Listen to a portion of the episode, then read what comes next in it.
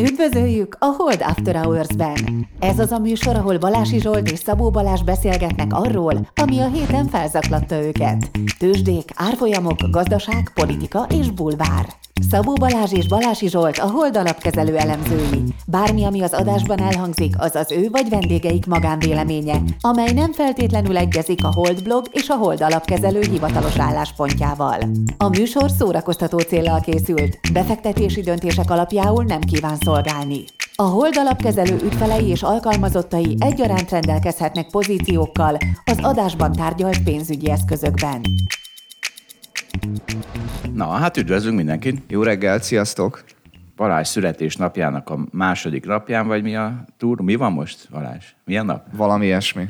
Uh, jó, én már ezt a szülinapot ezt letudtam. Tehát ott voltam a bulidon, és megcsináltam a, lehet, valószínűleg a fi, Alablog Facebook oldalának leglájkoltabb posztját, mert kiraktuk nagyon vicces szöveggel a képünket. Én most már nem vagyok hajlandó a kispolgári boldog születésnapozásban tovább részt venni. Figyelj, ez mind rendben van, meg annak is örülök, hogy eljöttél, mint sztár vendég. Remélem, hogy sok kritikát kaptál a podcast kapcsán a barátaimtól. Én azt hiszem, hogy meggyőztem őket, hogy nekem van igaza. Ah, gondolom. Na majd őket is megkérdezem erről. Igen, nem, nem. Mindenkit egyesével. A saját fejemben nagyon jól győzök meg embereket. Az, az, az, attól, attól eltártnoríthatatlan vagyok még a folyamatos kudarcok sem. Még a, még a podcastban értem, hogy ezt csinálod, mert hogy nincs reakció. De amikor még veled szemben ül egy ember, aki méltatlankodik, nem ért egyet, és még így is azt hiszed, hát ez így már sokkal durvább. Látom a szemén a kognitív diszonanciát, és tudom, hogy igen, majd itt most lépünk előre, lépdelünk előre. Na, ha valaki nem tudná, Balázsnak konténerhajós tortája volt. Megnézheti a Facebook oldalunkon a képét is. Valóban, nagyon örültem neki. Orsinak köszönhetjük. És figyelj, volt, volt egy érdekes komment, aki százszázalékos hozamot Balázs alapjának. Na ez az igazi születésnapi jó köszöntés. Igen, azt elhiszem. Attól függ hány éven keresztül mondjuk. De és tudod, ennek én miért örülök? Hát ugye a modell szerint a Hold Beat az Beats expedíció, tehát ha, ha tiédnek százszázalék hozama lesz, akkor ki tudja, hol jár a Hold Beat alaphozama. Na jó, azt meglátjuk. Most már lassan tényleg elindul. Igen, még jó, igaz, hogy van. Tehát ez a papírforma, amiről beszéltem, mert van, hogy rossz a modell, ez kétségtelen. Viszont egy másik téma, a Pandora szerencéjét kinyitottuk ezzel a Műszaki Egyetem közgázvitával, és van egy vicc, amit nyolcadszor kapok meg, úgyhogy bemondom, mert akkor most már akkor kénytelen lesznek abba hagyni, remélem a hallgatók. Szóval akkor már legyen vicc a közgázról is. Tudod, Balázs, miért nincs tavaszi szünet a Műszaki Egyetemen? Tudom, mert elvégeznék a Corvinuszt. Igen, az alatt elvégezni a Corvinuszt. Remélem mindenki hallotta, úgyhogy azt üzenem, kedves hallgatók, hogy aki még egyszer elküldi ezt a viccet, ahhoz kimegyünk és elvesszük egy pólóját. A másik pedig Barry White, a, a, amivel szintén sok hallgatót felizgattunk, de ez a téma, ezt a vasárnap hajnali rész elején fogjuk tárgyalni, Valentin naphoz közeledve, hát ugye szerelmes hangon fogunk bugni. Erre nem is gondoltam, hogy Valentin nap lesz. Hát én, én készültem. De milyen romantikus vagy. Örülök, hogy te gondolsz rá. Feleséged is biztos örül neki. Így van. Készültem rá, mert ugye amikor még megvolt a Barry White hangom, sajnos elmúlt a Covidom, és így már a Barry White hangom is, akkor gyorsan felmondtam a Valentin napi üzenetet. És még egy, még egy rész, mielőtt Csertomit behívjuk, mert szakmázunk megint itt, itt, itt szakmányban. Ugye ez a Zorbász a görög effektus, hogy hát ha megunják a hallgatók ezt a sok szakmát, és akkor végre foglalkozhatunk azzal, ami igazán fontos. A nőkkel, PC-vel, nem tudom mivel, politikával. Nekem nincs bajom a szakmával sem, az is beindít nagy gondolatokat az életről, meg a világról. Eh, jó van, nem még fiatal vagy. Na figyelj, de elmulasztottam egy lehetőséget hülyézni, és az, az ilyesmi az, az alvásom kárára megy. Egyrészt a, ugye a kétvalókú kutyapártot durván kritizáltam a hülye plakátjuk miatt, hogy az emberek nem hülyék, és úgy veszem, hogy a kétvalókú kutyapárt nevében jött egy kommentelőnk, aki azt mondta, hogy hát az MKKP-nek van adata arról, hogy az emberek 6,4%-a nem hülye, és hát azért ez még alaposan túlbecsüli szerintem a számod. Ez az egyik. A másik pedig, amikor Katólomtól bejátszottam, és mondtam neked, hogy mennyit fogok bejátszani, de aztán rájöttem, hogy de hát Katólom és Vitrai Tamás együtt hülyézik. Úgyhogy még azt a részt is bejátszottam, és akkor aztán nem, nem, nem hiszem, hogy tudod, ahol ugye arról beszél Rom Kató, hogy szerintem akkor jó a nyelvtanulás, ha nem a homo sapiens, a gondolkodó ember, hanem a homo ludens, a homo ludens, a, a játszó ember csinálja. Majd hozzátette, hogy hát ebben a szapienciában úgyse nagyon hiszek. És erre Vitrai rögtön vette az lapot, és azt mondja, hát igen, elég sok az ellentmondó adat. Na, hát katarzis, katarzis hátán az élet. Tehát még Vitrai Tamásék 1972-ben is hülyézik az embereket, akkor itt a Old After Hours. Ez egy nosztalgikus adás akkor. Én egyébként azokkal a kommentelőkkel értettem eh, ez alatt a YouTube videó alatt egyet, akik arról beszéltek, hogy húha, egy ilyen lement a tévén, egy ilyen értelmes beszélgetés, még akkoriban mi volt itt? I- igen, igen, igen. De, de szerintem most is vannak ilyenek, csak most már YouTube-on vannak, nem? Tehát, hogy Ja, de, de, persze. De hát pont az lényeg, igen, hogy akkor azt, azt írták, hogy a tévében ment ilyen. igen. Furcsa. Legalább, legalább bejátszhatnák, nem? Hát egyszer voltak ilyen emberek a magyar tévében, hát bejátszhatnák, hogy 1970-ben milyen videókat vettek föl. Úgy látszik, már nincs rá olyan nagy igény. Lehet, hogy igen, ott már nem néznek ilyeneket. Hát ezért mondom, hogy mi itt az M1-et megverjük mindenben, közszolgálatiságban, úgyhogy legalább a költségvetésének a tizedét szeretnénk elkérni. Mindig nem kaptunk. Még a századát se kaptuk meg, nem? Igen, igen, hát azzal is elégedettek lennénk, nem? Az is valami egy milliárd. Igen, több mint egy milliárd. Na, akkor most fogjuk behívni Cser Tamás, mert hát arról lesz szó, hogy milyen durva napok vannak, voltak, nem tudom, a tőzsdém. Na, hát akkor üdvözöljük Cser Tomit. Szia! Szia, Tomi! Sziasztok! Cser Tamás overdózis lesz, mert már vele vettünk fel a más szakmai mozaikokat is, azokat most fogjuk berakni, meg most még arról is vele beszélgetünk, hogy milyen durva napok vannak, vagy voltak a tőzsdén, és mit csinál ilyenkor egy hosszú távú value befektető. De, de hát kezdjük azzal, hogy milyen durvák. Tehát van például egy ábránk, hogy soha nem volt ilyen rossz kezdés az S&P 500-ban. Az első 16 napja az S&P 500-nak a valaha mért legrosszabb. Ami persze totál hülyesség, tehát ez a, kiemelnek egy, egy mondatcsinál dátumot, hogy január 1, vagy nem tudom mi, és akkor ahhoz mérik. Hát ugye az, hogy ez mekkora hülyeség, ez a legkatasztrofálisabb összeomlás mondhatnánk, de közben az S&P 500 az nem tudom, 8%-ot esett a all-time high-ról, tehát gyakorlatilag semmi nem történt benne és ugye 2021 kezdet óta ez még mindig 18% emelkedés, még csak korrekciónak sem nagyon mondhatnánk, és inkább a szenzációajház médiáról mond el sokat, akik lelkesen gyűjtik az ilyen adatokat. Aztán persze lehet, hogy azóta meg a 17-től 22. napig a legnagyobb emelkedés volt, vagy nem tudom, ha nagyon rámennének erre. Nem, szóval ezek milyen hülyeségek. Persze nem, nem, és egyrészt nagyon rövid táv, meg nagyon, de ezzel nincs olyan sok értelme foglalkozni, nyilván címlapokon izgalmas lehet, de az esés mértéke egyébként azért nem drámai, inkább a rövidsége emeli ki. Balázs, mond ilyenkor, hogy de hol a drámai, a haverjaid részvényei. Ilyenkor mindig mond, mond most is. Hát mert ti csak most az S&P-ről beszélgettek, de van, amiben dráma van. Tehát a NASDAQ-ban egy kicsit nagyobb volt a dráma, a NASDAQ-nak a kis papírjában meg még sokkal nagyobb volt a dráma, tehát valami 30-40 százalék közötti esés szenvedett el átlagosan. Van olyan csoportja a részvényeknek. Napokban lá- volt pont ez a statisztika, én is láttam, hogy a NASDAQ papírok fele esett már 50%-ot a csúcsáról, ami már komoly. Igen, nem tudjuk, hogy ezóta visszaemelkedette, de Na mindegy, most hagyjuk a szenzációajhaszást, még menjünk tovább, mert van egy csomó ilyen ehhez kapcsolatos hírem, és akkor ez fog eszkalálódni abból, hogy mit csináljon egy hosszú távú befektető. Mert ezt az alkatóktól vártam volna, hogy aki opciózott 2020-ban eszement részvényekben, az, azzal most mi van, hogy most akkor az űrben jár éppen, mert annyi pénzt keresett, mert eladta időben az opcióit, vagy nem adta el, és újakat vett belőle, és most akkor a McDonald'sban dolgozik a stabil állásánál újra. Úgyhogy utána jártam inkább, mert van egy ilyen ismerősünk, ugye Dave Portnoy, de ő, ő vele azt látom, hogy ő már csak amerikai focival foglalkozik szinte, bár most azt mondta, hogy megint vett bitcoint, és ilyenkor azért eszembe jut a Szabó Lacinak az a tétele, hogy neki volt egy csomó kortársa, aki vele együtt kezdett tőzsdézni, és valahogy már nincsenek a tőzsdén, és neki az a tapasztalat, hogy nem azok szoktak kiszállni a tőzsdénről, akik úgy érzik, hogy most már elég pénzt kerestek és foglalkoznak valami tartalmasabban, hanem úgy általában azok, akiknek elmegy a kedvük a veszteségtől. Hogy érzed, Tamás? Mi van, mi van az avokádókkal? Nem ismerem jól őket, de hogy a, a, a számokat, a piaci viselkedést látva én azt gondolom, hogy most nekik nagyon rossz időszakuk van, és arra számítanék, hogy Szabó Laci mondása is volt, hogy, hogy tömegével fognak most elmenni a kedvük a tőzsdézéstől és az egyéb befektetési dolgoktól. Ugye ez a 2020 Covid-válság kezdete utáni időszak, mánia kialakulása az, az egy, azt hiszem, hogy nekik az aranykoruk volt, de hogy ezt akkor is beszéltük sokszor, hogy ez általában ennek nem szokott jó vége lenni, és, és, és ez zajlik most.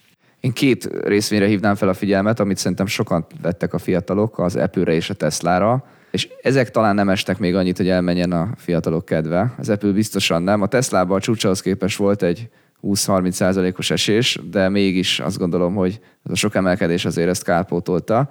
Viszont tényleg ezekben a kis papírokban, és itt most már a kis papírokat alatt olyat is értek, ami néhány száz milliárdos kapitalizációjú, ugye a Tesla meg az Apple az nem ilyen, mert az, az ennél sokkal nagyobb. Na azokban is volt nagy esés, tehát egy Zoom vagy egy Netflix vevő, az biztos, hogy azért sokkal rosszabbul érzi magát, több mint 50, meg több mint 70-80 százalékot eső papírokról beszélek itt. Ugye itt általánosságban azt hiszem, hogy kimondható, hogy azokkal a vállalatok vannak most nagyon, azok teljesítenek nagyon rosszul, ott van nagy baj, ahol igazából nem volt eredmény vagy cashflow termelés, hanem csak egy valamiféle jövőbe vetett hit hajtotta föl az árakat, és ez a hit ereszt most kifelé. Azok a vállalatok, amit nem köt, azért egyébként van stabil cashflow, mint például az Apple is, amit mondtál Balázs, ott én azt gondolom, hogy kisebb a gond. Mondok egy következő ilyen, ezt nem is tudom ki nem, nem tudom, ezt, ezt nem tudom ki mondta valamelyik, de azt hiszem pont a Panames, hogy hívjuk? Parames. Parames. Mondta, hogy ugye volatilitás lett, tehát ilyen óriási csapkodás van, ezt hívjuk volatilitásnak, és ilyenkor a VIX index is fölmegy, ugye ez a mit tudom, hivatalos mértékegysége a volatilitásnak. Ő azt mondta, hogy a value investorok a volatilitást azt bölcsen kell, hogy kezeljék, mert ugye nagyon sok modell szerint, ha megnő a volatilitás, akkor az azt jelenti, hogy megnőtt a kockázat. Ezzel szemben Parames mit mond, hogy szerinte ez egyáltalán nem igaz. Nem tartunk a ármozgásoktól, abból a szempontból, hogy ettől esik az ár, hanem pont, hogy ebben látjuk a lehetőséget. Mi mit látunk ebbe, Tamás? Abszolút így van, ugye mi, mi teljesen ugyanezt a filozófiát valljuk, mint Paramész, és sokat is tanultunk tőle, meg próbáltam én is nagyon sokat olvasni róla. Alapvetően a volatilitás a tőzsdén az rövid távon mindig fájdalmas, ugyanakkor egy hosszú távú befektetőnek, aki alapvetően a, a fundamentumokat nézi, és azt keresi, hogy mikor szakadnak el az árazások a fundamentumoktól, ez mindig egy lehetőség, hiszen ilyenkor szakadnak el. Tehát, hogy a, a piacok sokszor hatékonyak és általában próbálják tükrözni a mögöttes fundamentumokat, de amikor nagy csapkodás van, pánik alakult ki, ilyenkor teljesen elszakadnak, a, vagy el tudnak szakadni a fundamentumoktól az árak, és ezek teremtik azt a lehetőséget, hogy igazából hosszú távra jó hozammal be tudjunk fektetni ilyenkor, hogyha türelmesek vagyunk. Tehát valóban a volatilitással szokták mérni a, a, a részvénybefektetés a tőzsde kockázatát. Ezt egyébként azért is teszik, mert, mert ez ami egy ilyen jó, jó számítható dolog. De azért érdemes azon elgondolkozni, hogy tényleg ez a nagy kockázat egy befektetőnek. Tehát aki spekulálnak, persze ez a nagy kockázat, de akinek a, a részvénybefektetés arról szól, hogy, hogy igazából a következő 10-20-30 évre szeretné megalapozni a vagyonát, vagy a nyugdíjas éveire megnövelni a vagyonát. Neki nincs igazából nagy jelentősége annak, hogy most a holnap épp a tőzsdén milyen árat mutatnak. Ennek inkább csak ott van jelentősége, hogy, hogy ilyenkor lehet ebből jó lehetőséget csinálni, és ilyenkor lehet nagyot is hibázni, hogyha valaki túlzottan megijed a rövid távú mozgástól. Én azt tenném hozzá, hogy a VIX az tényleg csak annyit mutat idézőjelben, hogy most holnap nem az várható, mint általában szokott lenni az S&P 500-ban, hogy nem tudom, plusz fél százalékot megy fel, vagy mínusz fél százalékot esik, hanem lehet akár két-három százalékos mozgás is. A hosszú befektetőnek meg van egy erős véleménye arról, hogy ezt a vállalatot mondjuk ezen az áron meg akarom venni a következő három vagy öt évre nézve, és örül neki, vagy várja azt, hogy becserkészze ezt a vadat, és ha esetleg olyan nagyot esne az árfolyam, és akkor ha VIX magas, akkor ennek még nagyobb is az esélye, mert, mert esetleg lefele is majd csap egy nagyot az árfolyam, akkor gyorsan megveszi, és boldog tőle. Tehát tényleg nagyon-nagyon nagy különbség van, hogy itt a hosszú befektetőnek mi a kockázata, meg a VIX mit, mit mutat. A hosszú távú befektetőnek az a kockázat, hogy a gazdaság nagyon kisiklik, vagy a vállalatok, amiben befektettek, azok olyan fundamentális romlás történik, amitől esetleg például nem is éli meg a hosszú távot, mert csődbe megy közben. Erre kell figyelni.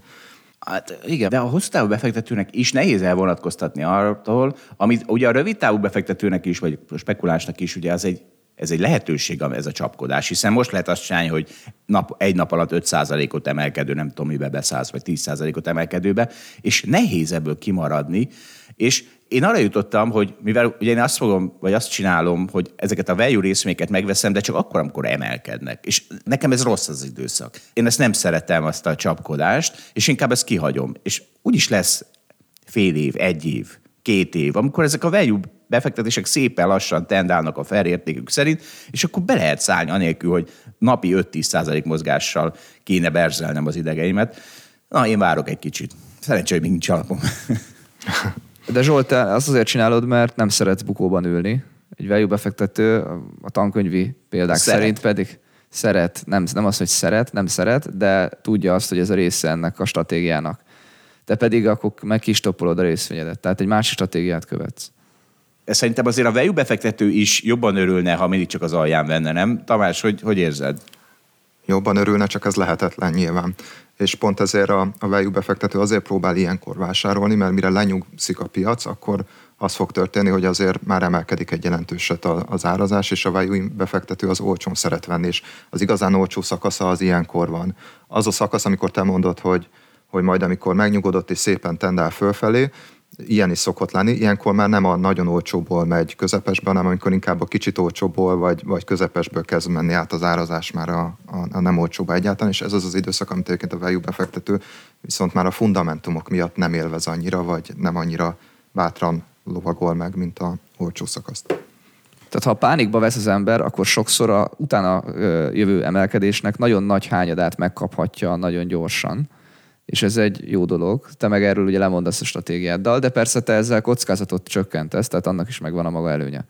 Jó, meg azért a pánikban vétel az ugye azt is magával vonz, hogy a további pánikban is benne vagy vétele. Tehát azért ne, ne csináljunk úgy, mintha valaki pánikban vesz, akkor biztos, hogy onnantól kezdve már kurva jó neki. Nem, ezt nem akartam persze. mondani. Előnyök, hátrányok vannak.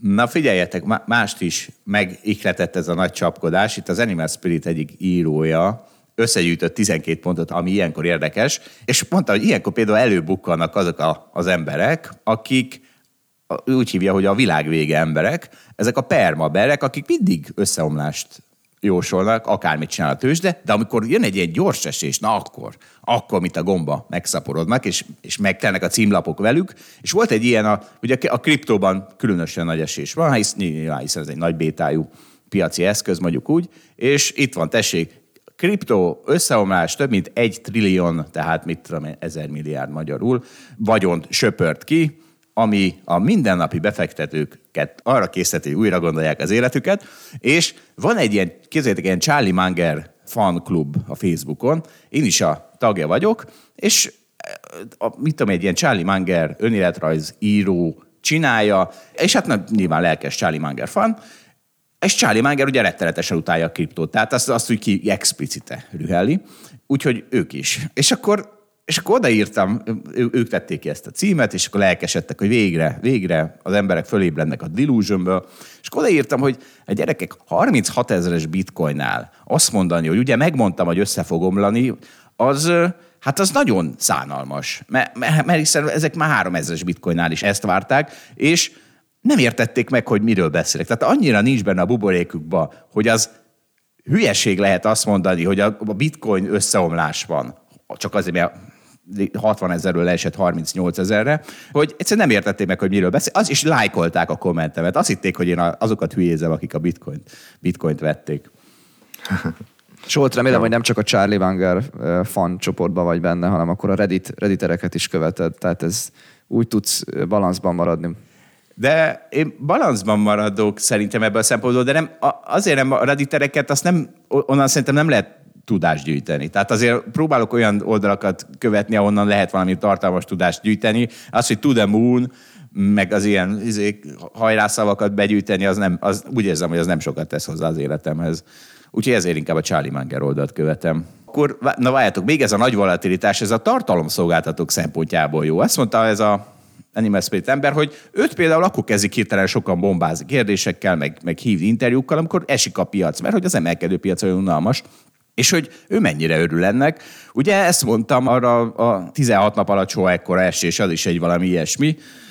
Egyébként nagyon vicces, a, a Portfolio.hu az annó annak köszönhette a felfutását, akkor lett egy nagyon egyik legnépszerűbb oldal az országban, amikor a devizahitelesek elkezdtek kétségbe esni, mert elkezdett gyengülni a forint.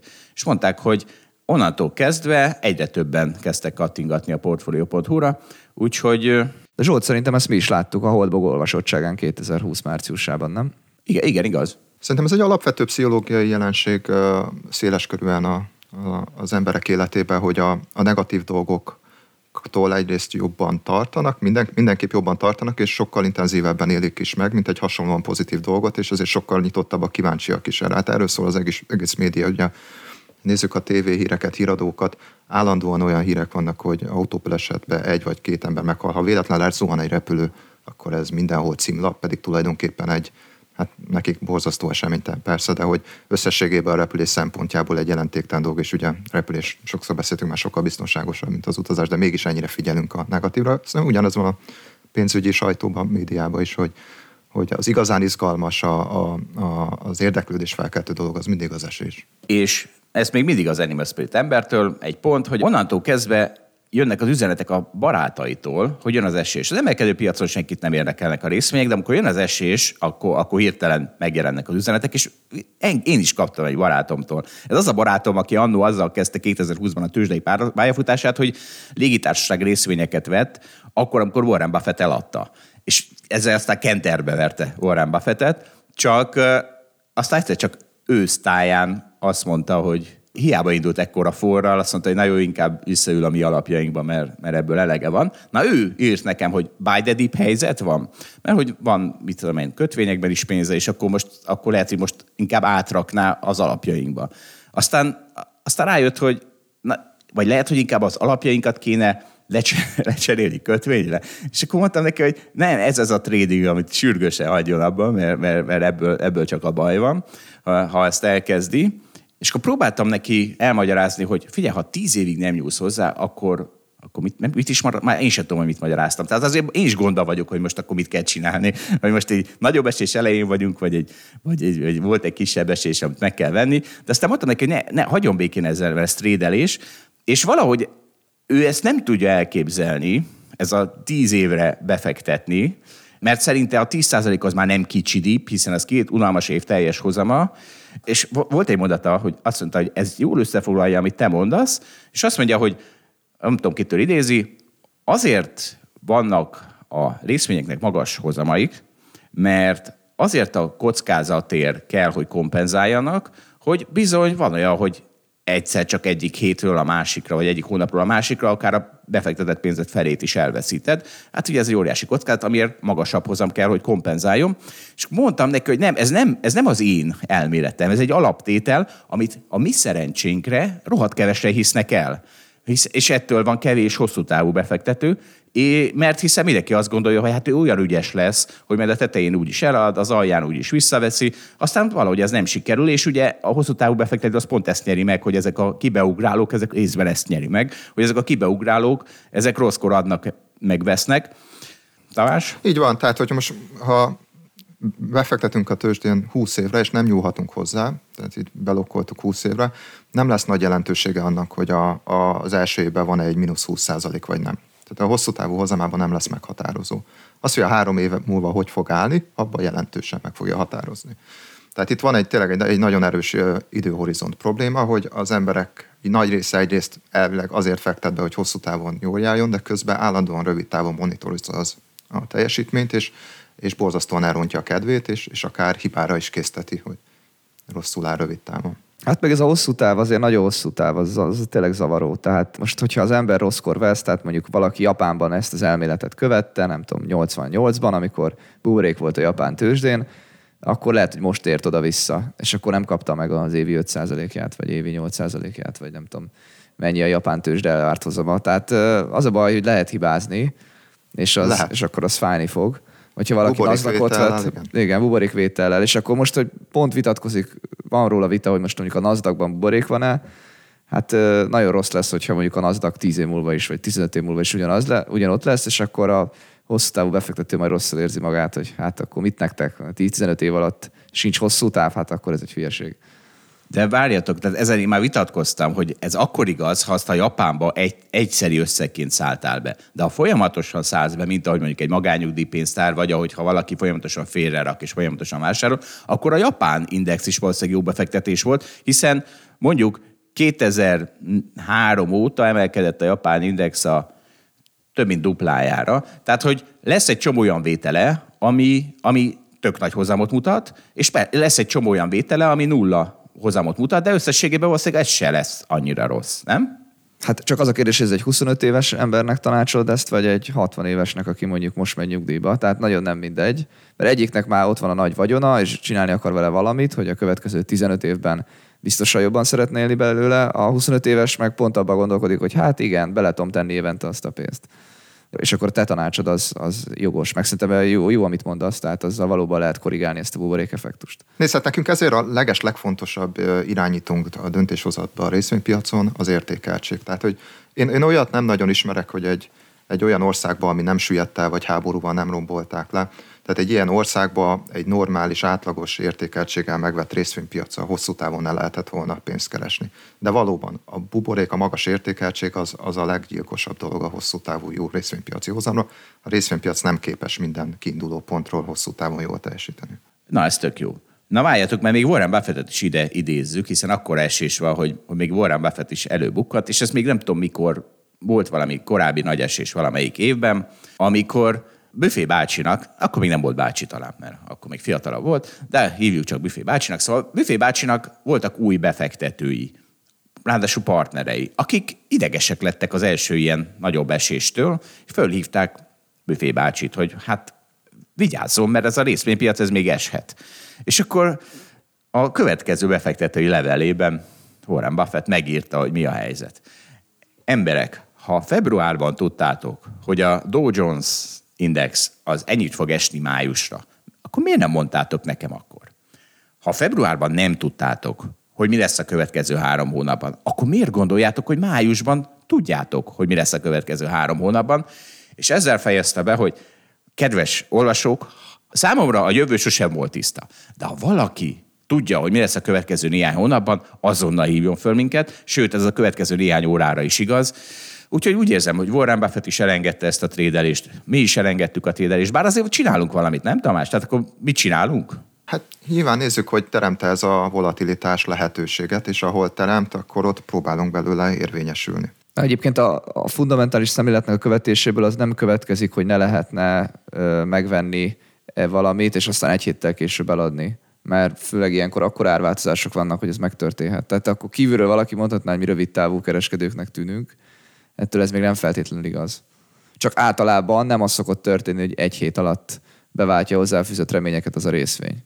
Ugye az egy problémánk, ezt már mondtam, hogy vannak ügyfeleink. És az ügyfeleink, a, a, ők az édegesek lesznek, ha negyedéves, fél éves, egy éves időtávon mondjuk mit a mínusz 5 százalék egy alapunk, nem Tamás? Tehát azért Warren Buffett valahogy ezt teljesen elengedhette, mi is teljesen el tudjuk engedni? Hát figyelj, a hosszú távon, ha jól akarunk teljesíteni, akkor el kell engednünk. Tehát, hogy ha mindig néznénk a rövid távú teljesítményt, és próbálnánk arra optimalizálni a, az alapjainkat, a teljesítményeket, azzal nagyon komolyan bádoznánk a hosszú távú teljesítményt. Jó, tehát akkor elengedjük. De másik oldalról itt szerintem beszéltünk egyfajta átváltásról, hogy viszont ugye, ha teljesen elengednénk, akkor, akkor lehet, hogy még több részvényt kell tartani, meg ha még jobban elengeded, akkor megint még több részvényt kell tartani, hiszen akkor mondhatod, hogy egyáltalán nem érdekel a rövid táv, akkor hosszú távon többet nyerhetsz. Ez valószínűleg így van, azért azt nem mondhatjuk, hogy ahogy mondta Zsolt, tehát az ügyfeleinket nem, nem az van, hogy egyáltalán nem érdekel rövid táv, tehát egyensúlyozni kell, ez egy egyensúlyozási kérdés. Igen, ez inkább úgy fogalmazódik meg, hogy összességében általánosan milyen kockázatot vállalunk. Ugye az, az nem szerencsés, hogyha olyan nagy kockázatot vállalunk a, az alapjainkkal, amit egyszerűen tarthatatlanná válik a befektetőink számára. Tehát így ez egy abszolút releváns kérdés, de, de azt nem akarjuk és nem csináljuk, hogy most a következő pár hónapra el tudunk képzelni esést, akkor, akkor nagyon durván megváltoztatjuk a kitettségünket. Mert nem tudjuk. Mármint nem tudjuk az esést kitalálni jól. Na, még egy téma itt az eséssel kapcsolatban. Ez, ez most nekem tűnt föl, igazából azt tűnt föl, hogy jött egy hír, hogy a Elliot és a Vista Partners 13 milliárd dollárért megveszik a Citrix nevű nem tudom, valamilyen számítástechnikai céget, ami megnéztem, úgy felezett a csúcsához képest. És Tamás, te, talán te is ezt érezni fogod, hogy ez ugye korábban mindig az volt, és az egy buborék tetőnek is mindig elkönyveltük, hogy jönnek az ilyen ikonikus nagy felvásárlások. Ugye a, a, a, a tipikus ilyen, amikor az az AOL-t, az American Online-t megvásárolta a Time Warner. Szóval, hogy például az egy ilyen ikonikus, szóval, hogy mindig a csúcsol jöttek, a, mert, hogy, mert hogy a szakmai befektetők is ilyen hülyén csinálták, hogy, hogy már nem bírták, hogy kimaradnak az emelkedésből, és a tetején vásároltak. De most nekem úgy tűnik, hogy itt az esésre reagálva jönnek a vásárok, és, a, és mit tudom én, amikor ezek a technológiai dolgok a csúcsokon voltak, akkor nem, akkor nem láttam a, a eszement nagy felvásárlásokat, kivéve a retail által. A retail által azok vásárolták a spacokat, meg a IPO részvényeket. Szóval lehet, hogy megokosodott,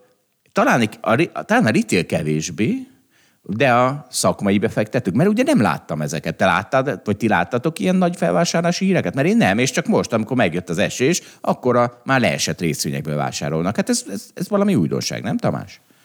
Hát szerintem általánosságban, hogyha leesett részvényekből vásárolnak az intézmények, az nem újdonság. Én ennek a, amit most említettél, ezeket a díleket azért nem érzékelem úgy, hogy itt most ilyen óriási, emblematikus cégeket vesznek meg nagyon nyomott áron a befektetők. De igen, hát az intézmények, ahogy nekünk is a abszolút a viselkedésünk, hogy ha van egy jelentős esés, akkor, akkor elkezdünk vásárolni olyan eszközökbe is, amit esetleg korábban nem érdekelt, mert drágának tartottuk. Az Eliot is már be akarta cselkészni a Citrix-et, mert már nézte régóta, és azt mondta, hogy hát 26 milliárd, az drága érte, de szépen esett, esett, esett, és akkor egyszer csak próbált lecsapni. Vagy most végre 13 milliárdért meg lehet venni. Másik Zsolt, szerintem mi nem követjük az ilyen nagyságrendű felvásárlásokat Amerikában, ez mondjuk 10 éve vagy 20 éve nagy számnak számított volna. Szerintem ma már ez az 10 milliárdért megvesznek valakit. Hát ez benne van a pakliban ilyen, ilyen magas kapitalizációk mellett. Ez gyakorlatilag minden héten szerintem bekövetkezik, piactól függetlenül is. Na jó, nekem mindesetre hiányoztak az ikonikus. De sőt, még az IPO, tehát tudjátok, ma másik, mert mindig szok, jött, szoktatok jönni, hogy na, most ad el a nem tudom kicsoda, tehát nyilván a piac szeteje van, és ilyenkor mindig a Glencore szokott ugye előbukkanni, hogy az, az aztán a nyersanyag piac tetején ö, IPO-zott, de ez se nagyon volt. Tehát, hogy valahogy nincsenek meg ezek a hagyományos buborékjelek. Én legalábbis ehhez ragaszkodom továbbra is. Hát szerintem marhára pont ez megvan. Hát nézd meg, hogy mennyit IPO-ztak technológiai cégek az elmúlt egy-két évben, sokkal többet, mint előtte. Erre azért láttunk ábrákat. Nem tudom, hogy neked a, mit jelent az ikonikus, az elég szubjektív, lehet, hogy az nem következett be, amit te ikonikusnak tartasz, de azért nagyon sok IPO volt. Hát meg az egész spac jelenség is, hát ez, ez nem egy normális piaci helyzet vagy viselkedés, amikor befektetők gyakorlatilag vakon tolják bele a pénzüket olyan váltokba, akik csak annyit tudnak ígérni, hogy majd valamiből egy jó befektetést csinál. Egy, egy uh, kockázat kerülőbb környezetben ilyenbe eszükbe sincs rakva még pénzt a befektetőknek. Hát jó, nem lehet, hogy buborékokra szakadtak a, a... Tehát most, mivel a retail most egy nagyobb szerepet játszik az egész tőzsdei ízében, ezért ugye most, amit te mondtál, ez a spacvétel, ez is egy retail mánia volt. Meg, mm. tehát, hogy jól beazonosítható csoportok vannak, akik jól beazonosíthatóan bizonyos időközönként vesznek. És ugye igazából most, ugye, amire most nem beszéltünk, hogy elindult egy ilyen value shift. És az is arról szól, hogy a retailerek, vagy az avokádók, akik a technológiai eszement részvényeket vettek, azok szívnak, ugye azok feleztek azok a részvények, vagy a fele-felezük, vagy mi a túró van. Tehát az, az a szegmens a szív, viszont a, mondjuk a szofisztikáltabb, az nem szív, mert egyrészt ők nem is vettek részt ezekben a részvényekben nagyon, másrészt ők, ők most csinálják ezt a value shiftet, én tudom, valahogy ez nem egy ilyen piaci buborék tető, óriási összeszakadásnak tűnik, hanem egy ilyen nagyon szofisztikált dolognak. Nekem. Igen, ez, erről, erről szerintem is térjünk ki egy kicsit, mert most szerintem az eddigi beszélgetés lehet, hogy például egy olyan hangulatot kelt, hogy itt most nagy összeomlás van, és, és nagy lehetőségek, és mindenki rohanyó részvényt venni, szó sincs erről, mert hogy nagyon-nagyon kétarcú a piac, tehát a bizonyos eszközökben tényleg hatalmas esés volt, de ezek szerintünk a buborék eszközök voltak, és amiknek nagyon nehéz valódi értéket adni. Egyébként a, a, a, azok az eszközök, amikben egyáltalán nem volt hype, nem volt nagy beáramlás, és ezek a value részvények, ezekben semmi gond nincsen. Tehát nekünk a value fókuszú alapjaink pluszba vannak idén, miközben estek a részvénypiacok, semmi pánik nincs ezeken. Ezért azt is kell mondani, hogy egyébként, hogy mit teszünk most, tehát hogy, hogy nagy kapkodás nincs, nincs arról szó, hogy itt most röpködnek felénk a borzasztóan olcsóvá vált value részvények, nem így van.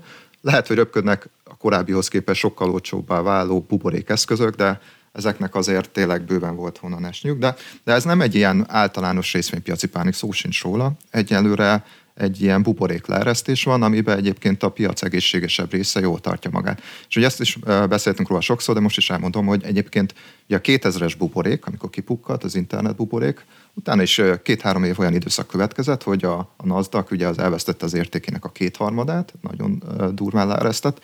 Közben egyébként a, az amerikai value kisebb papírok, azok pozitív teljesítményt tettek le, vagy inkább oldalaztak, de kis pluszot teljesítettek. Tehát előfordul ilyen, hogy a piacon a buborék szegmens leenged, a többi részben meg úgy nagyjából egy, egy átlagos időszak van.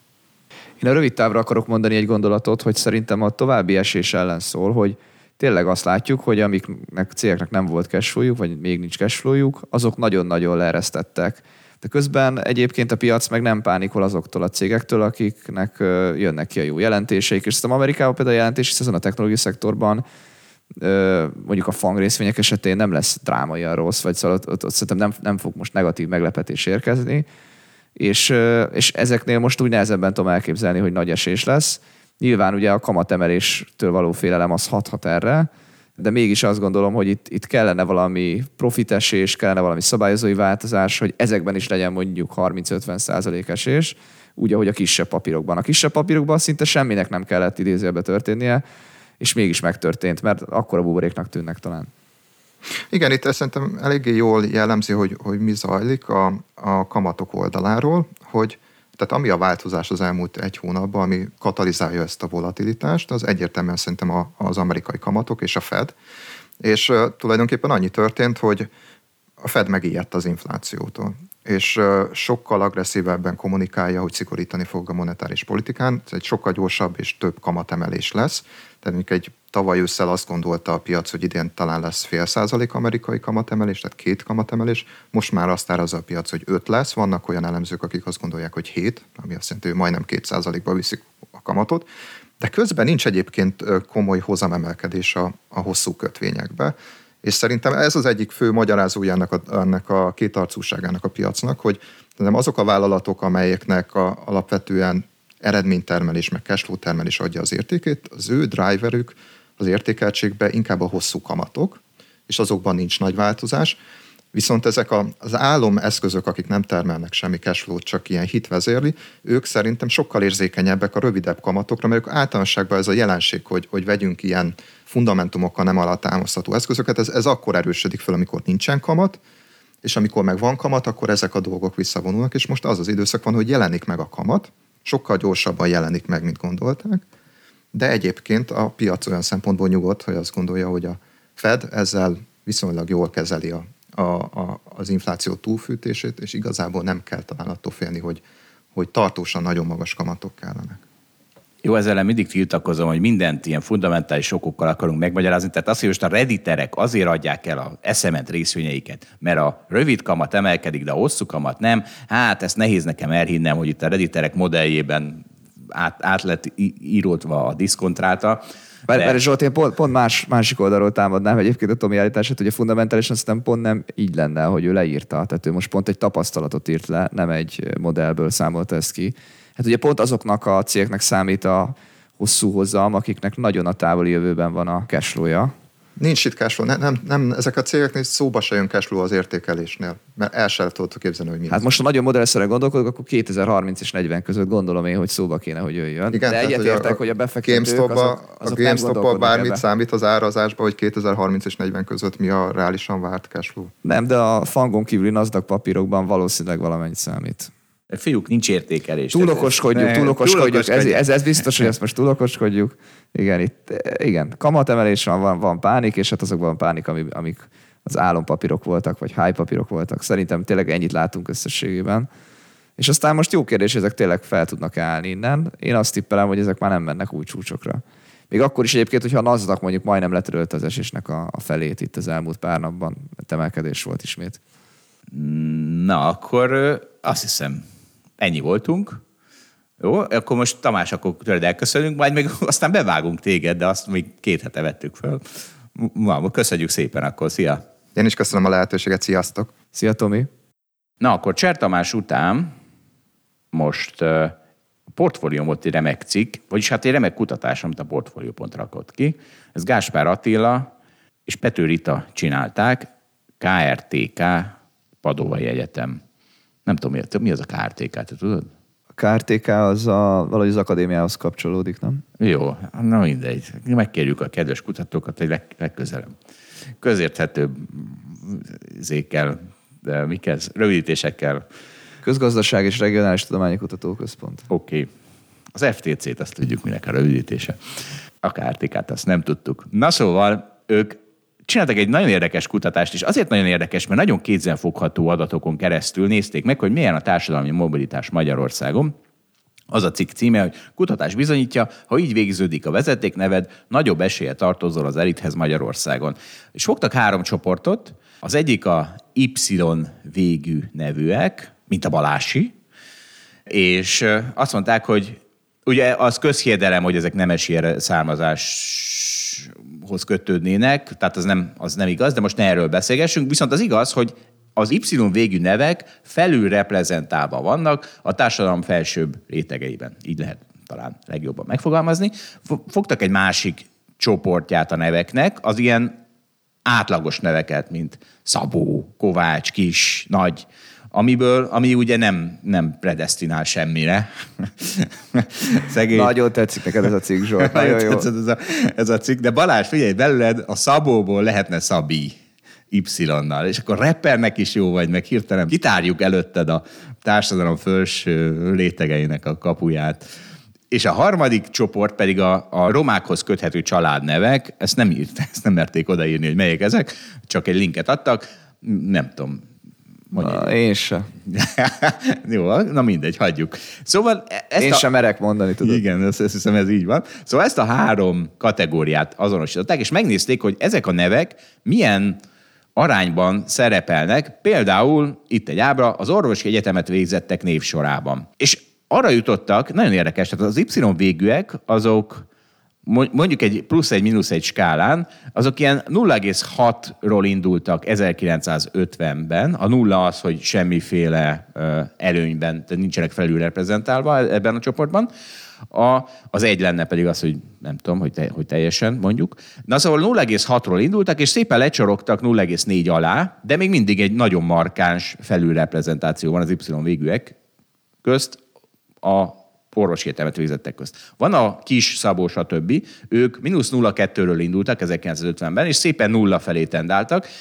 Egyébként ez a kettő ez teljesen megfelel a globális trendeknek, tehát mindig az van, és ez a, ugye ez a egyenlőtlenség elleni egyik legfontosabb érv, hogy ez tiszta hülyeség, mert nem az van, hogy valaki a felső 1% akkor mindig az 1 ugyanis azok a felső 1 ból általában kiesnek az emberek. Mert ugye mi kell ahhoz, hogy felső 1% Ennyi borzasztó nagy szerencse, de a felső 10-hez is, meg a felső 20-hoz is, és hogyha Michael Jordan a világ legjobb kosarasa, és ezért a világ egyik legjobban kereső embere, a fiai már nem lesznek azok. Nekik már nem lesz ekkora szerencséjük, nekik, ők már nem lesznek ilyen tehetségesek. De a 10 meg a 20-ból szerintem nehéz kiesni, az egyből pedig, ahogy mondod, szinte törvényszerű. A 10-ből és a 20-ból is könnyű kiesni, hidd el.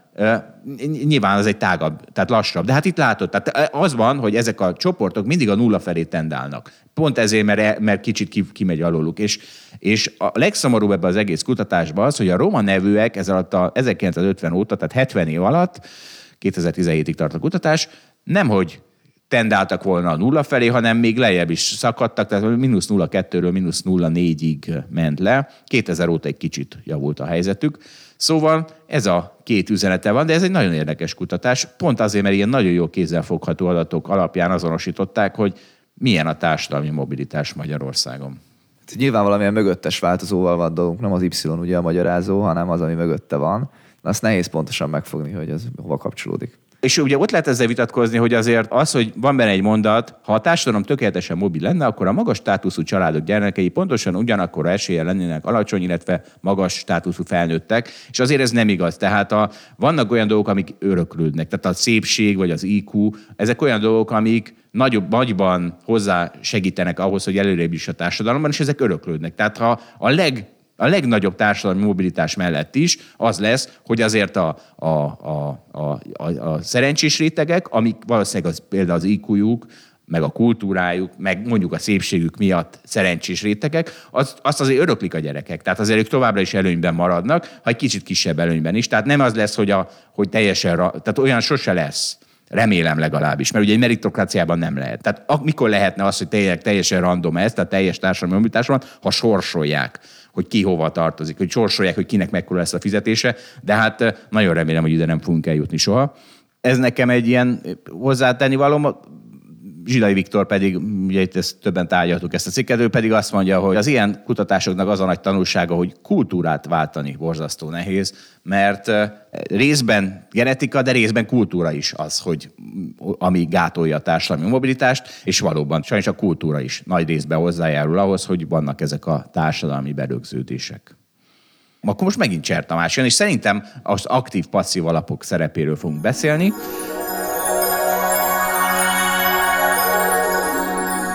Akkor most megint üdvözöljük körünkben Cser Tamást. Szia Tomi! Sziasztok! És most két cikkről vagy jelenségről fogunk beszélgetni, ami most elég, hát minden, ez, ez folyton aktuális. Hiszem, az aktív-passzív befektetések arányáról, vagy alapok arányáról lesz szó, és 2017-ben a Wells Fargo közölte, hogy hát itt bizony eladói sztrájk van az ő ügyfelei körében, senki nem hajlandó részvényt eladni. QE van az amerikai részvényekre. Ugye a QE, a mennyiségi lazítás az az volt, hogy a jegybankok folyamatosan veszik a kötvényeket, tök mindegy az áruk, ezért ment egyre följebb az áruk, és ezért egyre jöttek le folyamatosan a hozamok. És ugyanez van az amerikai részvényekben, ugyanis a jelenlegi eltolódás a passzív irányba, az gyakorlatilag arról szól, hogy a, a vevők folyamatosan veszik a részvényeket, és sosem adják el. Azt ők úgy mondták, ebben a cikkben úgy van ez idézve, hogy ez egy fekete lyuk, folyamatosan megy be a pénz, és sose jön ki belőle. Ugye e, nagyon érdekes, hogy ilyen szempontból 2021 különösen extrém volt, mert egyrészt rengeteg pénz ment be a tőkepiacokra, ugye körülbelül 1000 milliárd dollár ment be a globális részvényalapokba, ami javítsatok ki, de jól emlékszem több, mint az elmúlt tíz év összessége, vagy sokkal több. Valami ilyesmi, igen. Messze-messze rekord. Így volt, így volt. És ha megnézzük az összetételét, hogy miben ment be ez a pénz, milyen alapokba, hát ez gyakorlatilag 95%-ba passzív alapokba ment bele, tehát a, az aktívan kezelt részvényalapokban szinte nem volt semmi beáramlás, marginális észrevehetetlen, egy olyan évben, amikor messze-messze rekord sok pénz ment be egyébként a részvényalapokba. Igen, erre nekem is van egy számom, ez a JP Morgan között, hogy azt hiszem, ez, ez csak az Egyesült Államokra vonatkozik, 600 milliárd dollár ment be a passzív alapokba, aktív alapokból meg 90 milliárd jött ki. Szóval itt már nem is csak százalékokról beszélünk. Hát hanem... szegény aktív befektetők, most mindenki morzsélel egy könycseppet itt. Így van. A szakmáért.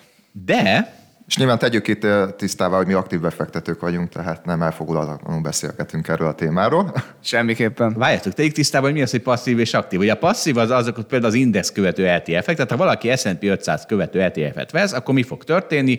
Gyakorlatilag nulla, vagy közel nulla költséggel az a alapkezelő, az automatikusan szétosztja az S&P 500 500 darab részvényével a pénzét, és mindegyikből vesz egy picit. Tehát... Bocs, e, igazad van, az S&P 500 ETF az majdnem ingyen van 5-10 bázispont általában. Egyébként egy európai ETF, vagy bárhol máshol, az már inkább 50 pont minimum. Tehát, hogyha itt költség összehasonlítást csinálunk, akkor ugye Amerika nagyon kilóg a, a világ többi részéhez képest. Működik a kapitalizmus, nem? De, Ez... valószínűleg igen. Ez, ez, ez ugye a passzív befektetés, az aktív pedig az, amit például mit csinálunk, hogy folyamatosan megkeressük, hogy mi egy alulértékelt részvény, és abból veszünk, a felülértékeltből nem veszünk, vagy akár be is sortoljuk. Tehát ez, ez, ez, ezt hívjuk az aktívkodásnak. Csak az a baj, vagy nem tudom, baj-e, majd mindjárt megbeszéljük, hogy baj-e, hogy a aktív menedzserek, ha eladnak, ugye az elmúlt, hát nem is tudom most hány évben, az elmúlt két évben egészen biztos, ha eladnak, akkor az gyakorlatilag azzal egyenlő, hogy alul teljesítik az indexet.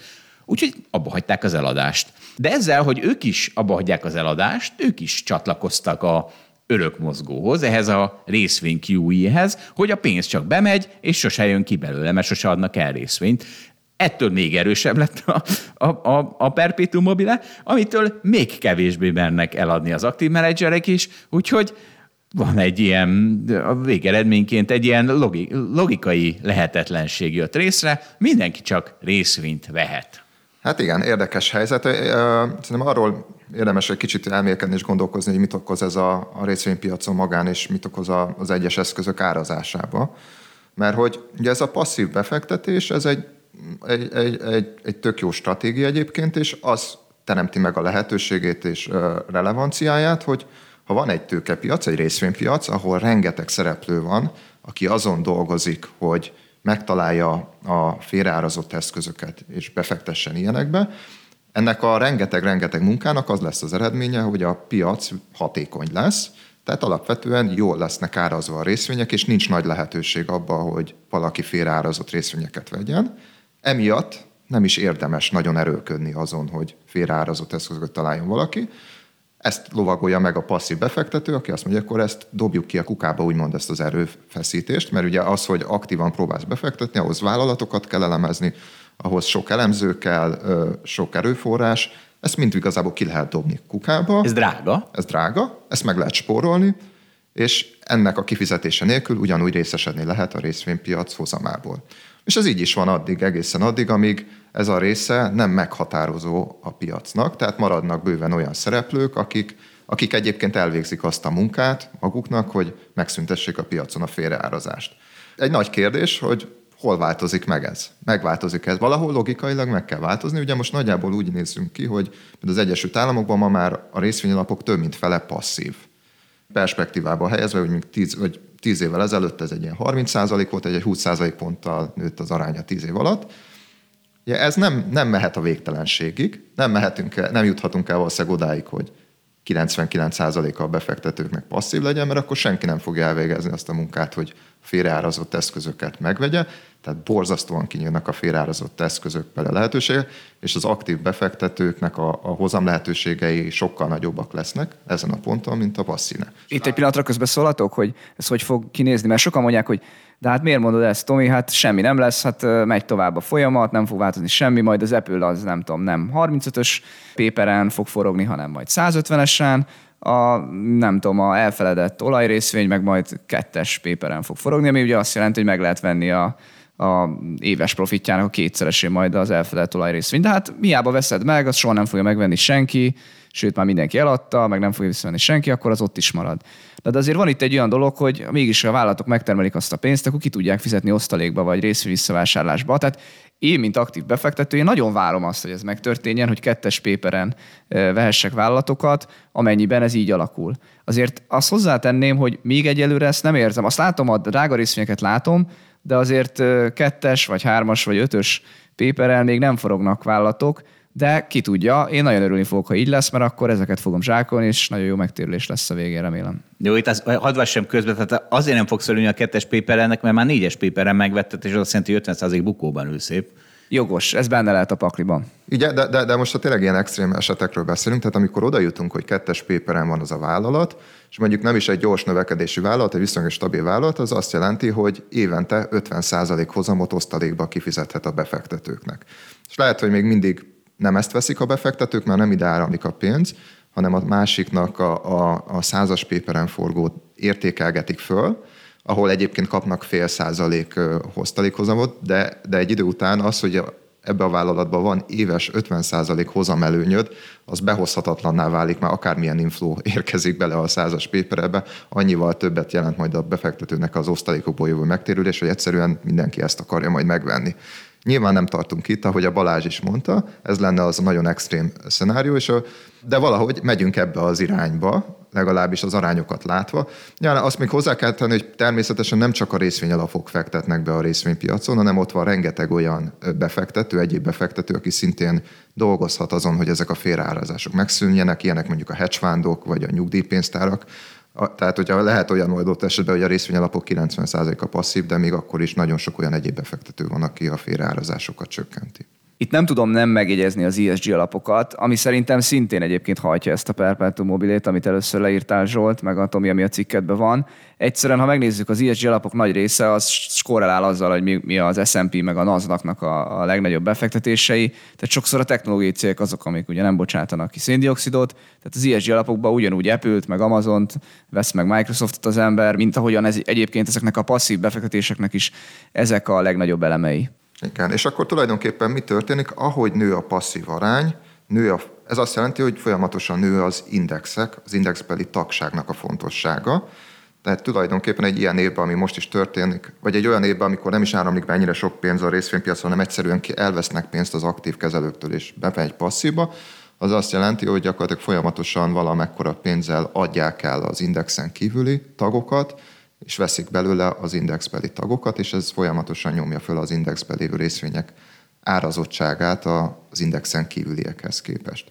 Ez, ha elér egy extrém szintet, az valószínűleg egy, egy nagyon nagy lehetőséget teremt. Ugye akkor nagyon fontos, hogy addig, amíg ez a folyamat zajlik, főleg amikor gyorsan zajlik, akkor igazából ez egy szembeszél az aktív befektetőknek, mert általában az olyan eszközökben, amiket ők tartanak, vesznek ki pénzt és berakják olyanokba, amiket ő már drágál. Ez nem kizárólagosan van, így nem kell azt gondolni, hogy minden aktív befektető az indexen kívüli dolgokat veszi, mert azok olcsóbb, de szerintem általánosságban vagy átlagban igaz ez, hogy az aktív befektetők azok nagyobb részt fundamentálisan próbálnak dönteni, az olcsóbb eszköz próbálja megvenni, ezért ők nagyobb részt tartanak nem index elemeket, akikből folyamatosan megy ki a pénz és megy át az indexbe. Igen, ezt a Hard Marks, ugye ő Dave Portnoy nagy ellensége, úgy fogalmazta meg, hogy mi történik akkor, hogyha a részvénybefektetések nagy része passzív, akkor a árak egyre inkább el fognak térni a fair értéktől, vagy egyre inkább eltérhetnek, ezért aztán a jó befektetések, az aktív befektetők számára egyre inkább általánosak lesznek. Ami sajnos nem jelenti azt, hogy az aktív menedzserek jól fognak teljesíteni, mert hiszem a szembeszél még mindig folytatódhat, de az biztos, hogy teljesíti talán az első számú szükséges feltételét annak, hogy sikeresek legyenek. Tehát, hogy ez egy előfeltétele, ez az egész, a félreárazottság, megteremtődése annak, hogy az aktív befektetők sikeresek legyenek. Hát igen, itt balanszírozunk. Hát egy ideig ki kell maradni a sztoriból, és jókor kell belépni. Az időzítés akkor kulcsfontosságú. Így van. És valószínűleg ugye abban a pillanatban lesz jó belépni erre, amikor a maximális ez a szembeszél, tehát amikor leginkább adják el az ő eszközeiket a, a passzívokhoz képest, mert ilyenkor kell, hogy az legyen, hogy a legnagyobb legyen az alulértékeltsége a indexen kívüli dolgoknak. Megfogalmazom egyszerűbben, akkor kell aktív befektetőnek lenni, amikor a leginkább hülyének nézik az aktív befektetőket. Igen, ezt, ezt nem te fogalmaztad így, meg ezt idézted, de nem tudom kitől. Nem idéztem, hát, de, de, valóban valószínűleg nem én mondtam a világ történelmben először. Nem, ez egy, ez egy híres kvót szerintem még az alablog idézetek közt na, persze, na, persze. El akarod venni tőlem. A Dani minden évben kirakja, tehát nem, nem akarlak ezt. Ezt ellenőrizni fogjuk. De várjátok is, akkor hogy levezetve ezt a részét ennek a beszélgetésnek, azért van egy probléma, hogy az, hogy semmi nem tarthat örökké, és az, hogy valami a hosszú távon nem fenntartható, az nem számít akkor, hogyha a te személyes horizontod nem esik egybe ennek a fenntarthatatlan folyamat leépülésével. Ugye, tehát ez az időzítés fontossága. Hát igen, tehát ha még tíz évig tart, akkor az ügyfelek azt nehezen bírják, meg én is nehezen bírnám, hogyha tíz évig csak buknék, mert erre teszek. Ezért mondtam egyébként azért ezeket az arányokat, hogy az Egyesült Államokban az elmúlt tíz évben 30-ról 55%-ra ment a passzív arány. Ha ez most ugyanígy folytatódik a következő tíz évben, akkor 55-ről 80%-ra fogunk érkezni. Lehet, hogy nem gond, én inkább azért úgy érzékelem, hogy az már egész extrémé kezd válni. Na és akkor most térjünk át arra, mert Tamás, te írtál egy cikket, föl linkeljük, ami ennek az aktív-passzív eltolódásnak egy, egyfajta furcsa aspektusára is rávilágít. Igen, ez pedig a, a vállalatirányítás és a, a ügynök megbízó dilema.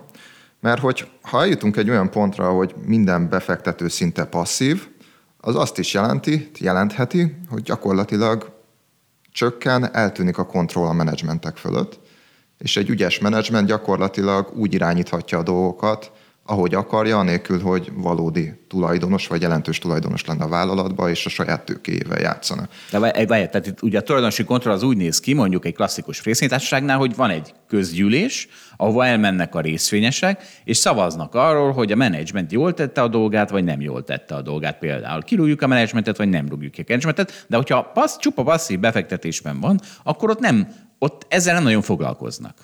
Igen, vagy nem biztos, hogy jól. Majd idővel próbálnak, és nem akarom azt a képet kivetíteni, hogy a passzív befektetéseknél ez teljesen kukába kerül, de biztos, hogy sokkal gyengébben érvényesül. Ugye volt egy statisztika nemrég, hogy ma már az S&P 500 vállalatának, ha jól emlékszem, a cikkbe is hivatkoztam, 80 valahány százaléka esetében az a helyzet van, hogy a három nagy passzív befektetési alapkezelő a legnagyobb tulajdonos együttvéve. És a kérdés az, hogy ezen a közgyűlésen ők hogy fognak szavazni. És egyrészt alapvetően ugye ezeknek a passzív befektetőknek pont az a stratégia lényege, hogy minimális költséggel dolgoznak, ezért tudnak jobbak lenni az aktívnál. Tehát nekik nincs arra erőforrásuk, nincs arra emberük, hogy eldöntsék, hogy mondjuk hogy kell szavazni egy közgyűlésen. Nem is ismerik a céget. Nem is fogam... ismerik. Tehát szó, föl sem merül a kérdés, mi történhet, vagy nem szavaznak, vagy esetleg megbíznak valaki valami kis díj ellenében megbíznak valami szolgáltatót, hogy ő szavazzon helyette. És így, itt hagyd mondjak el egy, egy érdekes történetet. Az egyik ilyen szolgáltató, szóval a legnagyobb a világban, az az ISS, Institutional Shareholder Service, aki alapvetően betölti valamennyire ezt a szerepet, hogy más intézmények vagy alapok helyett szavaz, vagy szavazati ajánlást tesz arra, hogy közgyűléseken hogy kell szavazni. És volt például egy érdekes eset, kb. két évtizede történt, hogy Warren Buffett a, a világ egyik leghíresebb és legelismertebb befektetője egy jelentős pozíciót épített ki a Coca-Colába, és utána javasolva lett, hogy legyen benne az igazgatósági tagság, vagy a igazgatóságába kerüljön be a Coca-Colának. És ez a ISS, ez azt javasolta, és azt képviselte az ő mögött lévő befektető, hogy Warren Buffett ne kerüljön bele a Coca-Cola bordjába. Miért történt ez? Azért történt ez, mert egyébként a Warren Buffettnek volt egy nagyon pici befektetése egy tejvállalkozásba, aki üzleti kapcsolatba állt a Coca-Colával.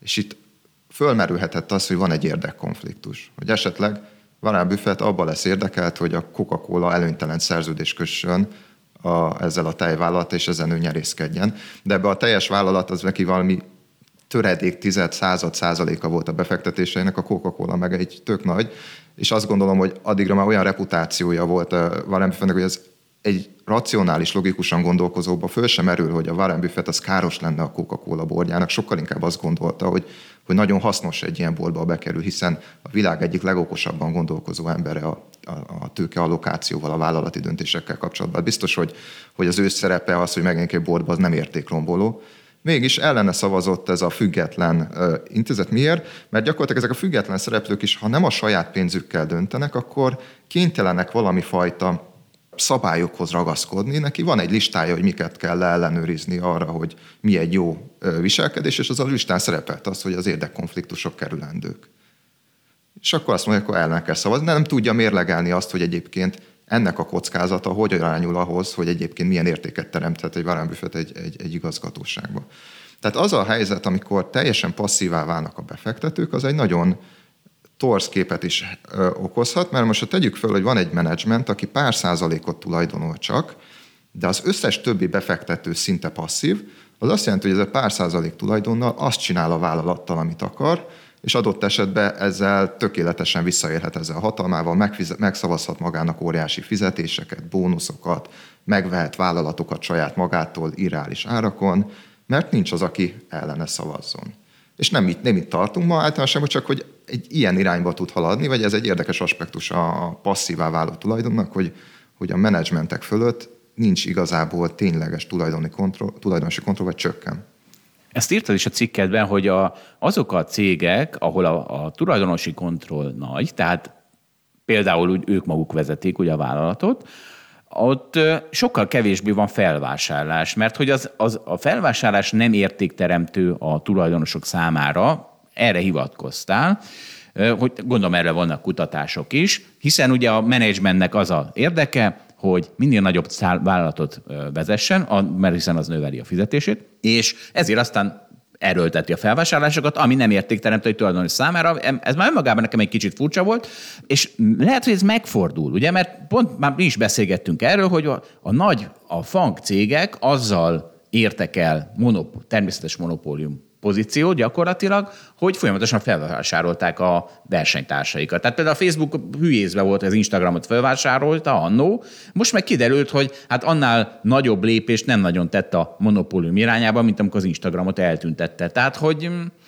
mit mondasz erre? Most jó az a felvásárlás, vagy nem? Vagy ez megfordul, hogyha éppen világhatalomra törsz? Ugye itt a, a történelem során az rengeteg olyan felvásárlás volt, ami nem arról szólt, hogy egy vállalat pozícióját nagyon megerősítse a saját fő területén, hanem mindenféle új dolgokba vágott bele azért, mert már növekedési korlátai voltak a saját üzletébe, de mégis növekedni akart. Tehát itt én elsősorban erre hivatkozok, hogy rengeteg olyan példa volt a történelemben, hogy, hogy teljesen más iparágakba kezdett belemenni egy, egy vállalat, ami nem az ő fő tevékenységéhez nem tett semmit hozzá. Ugye egy Facebooknál Nyilván az volt nagyon értékes, amikor olyan vállalatokat tudott felvásárolni, akik igazából az ő versenytársai válhattak hosszú távon, és ezáltal a versenyt blokkolta. Ez a vállalat számára egy értékteremtő döntés volt. De nagyon sok olyan felvásárlás van, amikor már nem a úgymond a verseny csirájába való elfolytásáról szólnak a felvásárlások, hanem egyszerűen arra, hogy még nagyobbak és még nagyobbak tudjunk lenni. Ez az, ami szerintem minden, az esetek nagy részében értékromboló, de mégis a menedzsment érdekébe állhat. Azt a vonalat nem erőltettétek, vagy legalábbis nekem eszembe jutott, hogy akkor viszont tényleg, hogyha valaki össze tudja fogni ezeket a passzív befektetéseket, akkor ő nagyon meghatározó lehet. Ez itt a nagymondások ideje így az előzőt folytatva, tehát nem értem, hogy miért nem az van, hogy JP Morgan rules the world, vagy ISS rules the world, hogy ezt a Goldmanra szokták mondani.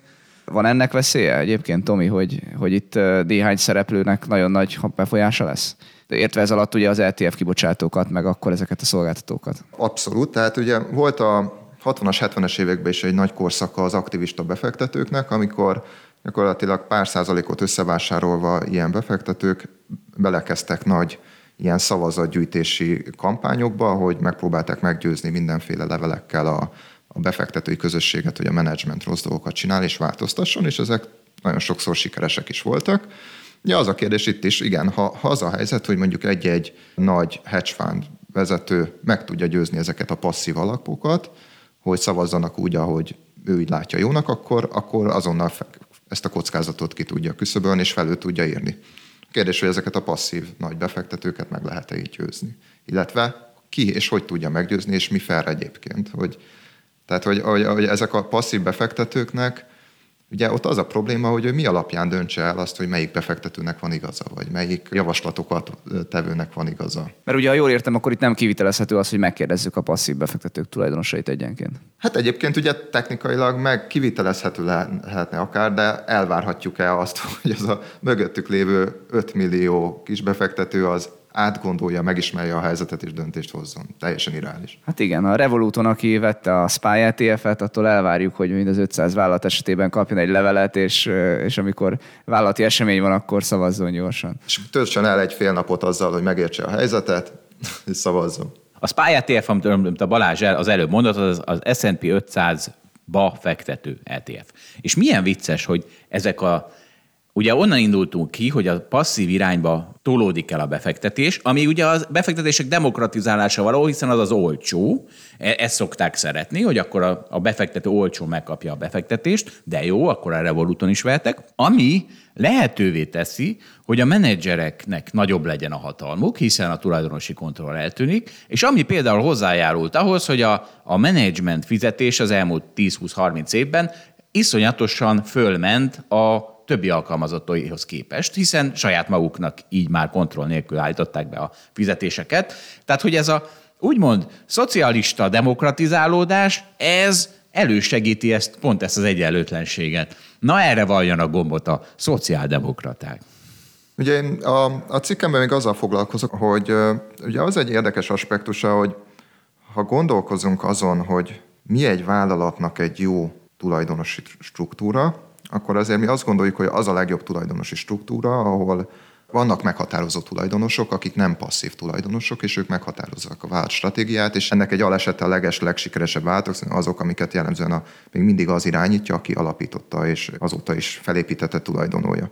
És ez azért van, mert mert ő az a szereplő, aki igazán hosszú távon tud gondolkozni, és hosszú távú értékteremtésbe tud gondolkozni. Mert ha most visszamegyünk abba a struktúrába, ami még irányban ma halad a világ, a passzív befektetésekkel, hogy igazából egyre inkább egy szórt és passzív tulajdonosi tulajdona van a, a váltoknak, a menedzsment az azt fogja csinálni, hogy megpróbál megfelelni ennek a tulajdonosi körnek az elvárásainak.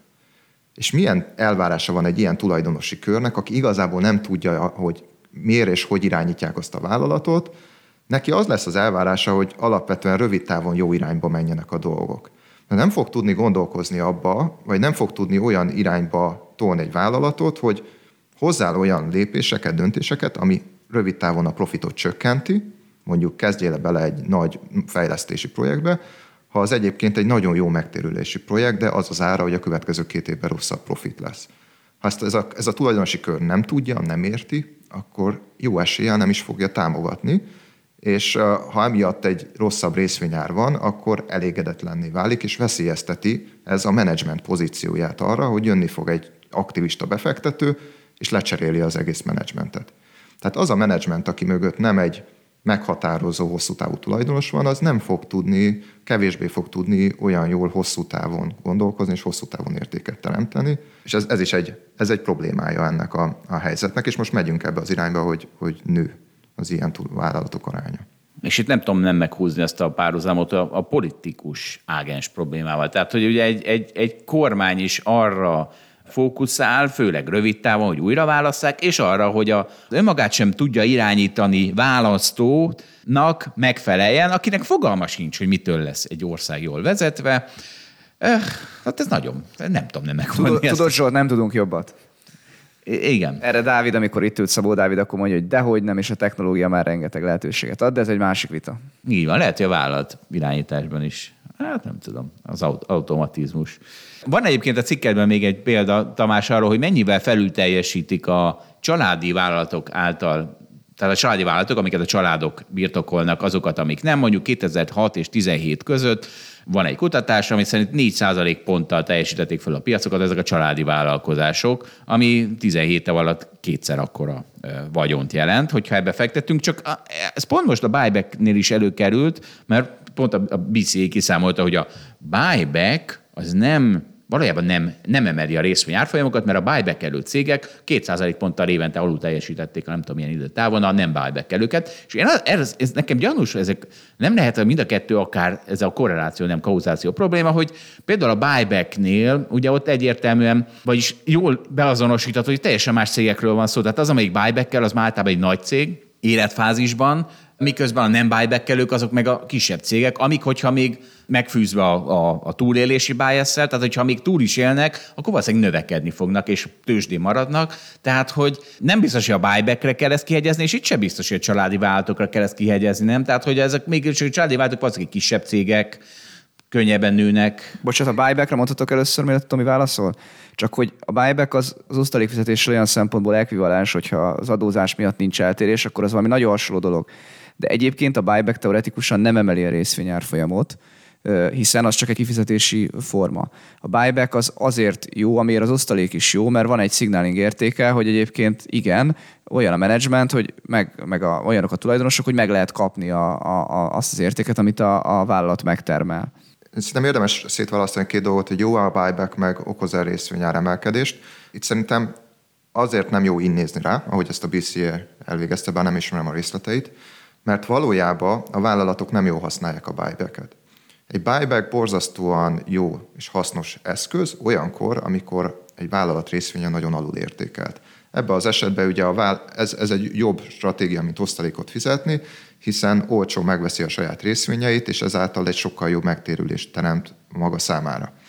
A valóságban nem ez történik. Ha visszanézzük, egyáltalán nem ez történik, hanem a buybacket a vállalatok egyrészt gyakorlatilag, ha bevezetik egy ilyen folytatólagos állandó juttatásnak tekintik, másrészt akkor csinálják jellemzően, amikor jók a pénzügyi helyzetük, tehát fönt van egyébként is már a, a, a részvényáruk. Nagyon érdekes visszanézni, hogy tőzsdei nagy esésekben lenne igazából ott az ideje annak, hogy a vállalatok aktívan buybackelnek. Mégse ez történik, hanem pontosan az ellentétje. Összeomlanak a buyback ebbe az időben, mert hirtelen a vállalatok nem jutnak finanszírozási forráshoz. Hát meg megijednek, hogy inkább félrerakják Meg, meg megijednek, tehát ahelyett, hogy anticiklikusan viselkednének ebbe, prociklikusan viselkednek. Egy anticiklikus buyback az szerintünk nagyon jó és értékteremtő, de nem így működik a világ, és nem erre használják a buybacket nagy tömegbe.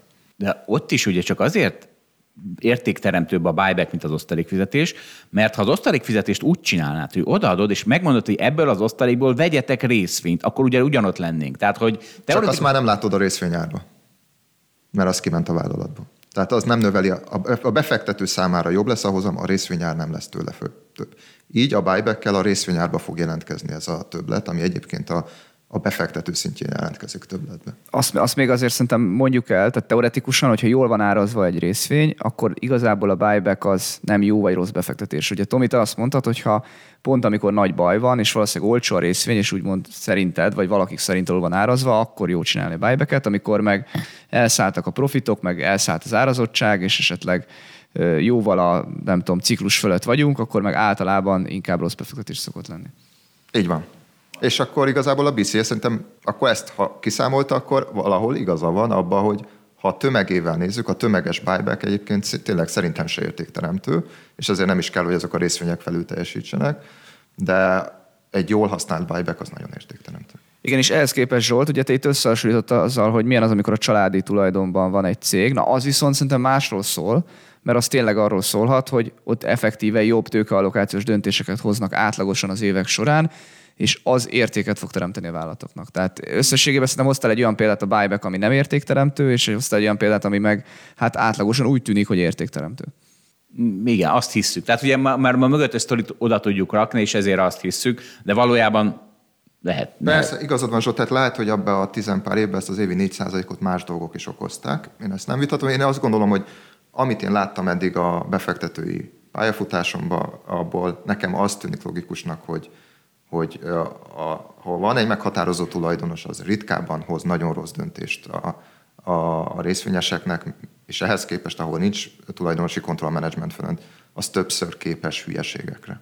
Egyébként hagyd tegyem hozzá, hogy sokszor van olyan, hogy valóban van egy mondjuk akár családi tulajdonban lévő cég, de mégsem olyan jó kis befektetőnek lenni mellettük, mert pont, hogy nem fizetnek osztalékot, meg pont, hogy nem vásárolnak vissza részvényt. Tehát a vállalat nagyon jól működik, nagyon jó lesz a profitja, csak aztán nem figyelnek arra, hogy abból kapjanak a, a kisbefektetők is. Ez előbb-utóbb elterjed, és aztán a részvényárfolyamban is ezt megszenvedjük az a legjobb, amikor van egy nagyon jó többségi tulajdonos, és az egyébként nagyon jól bánik a kisbefektetőkkel. Ez a lehető világoknak a legjobbika. Sőt, van az a verzió is, sőt, a magyar piacon is láttuk, amikor a nagy befektető kifejezetten szivatja a kisbefektetőket. Tehát, hogy amit elvileg ugye tőzsdei szabályoknak kéne védeniük ellen a kisbefektetőket, de nem mindig sikerül. Tehát, hogy na hát akkor, akkor mit? Akkor mi a tanulság? Hogy ne a buybackre utazzon a befektető, hanem a családi cégekre, kivéve, ha megszivatja őt a család. Így van, így van.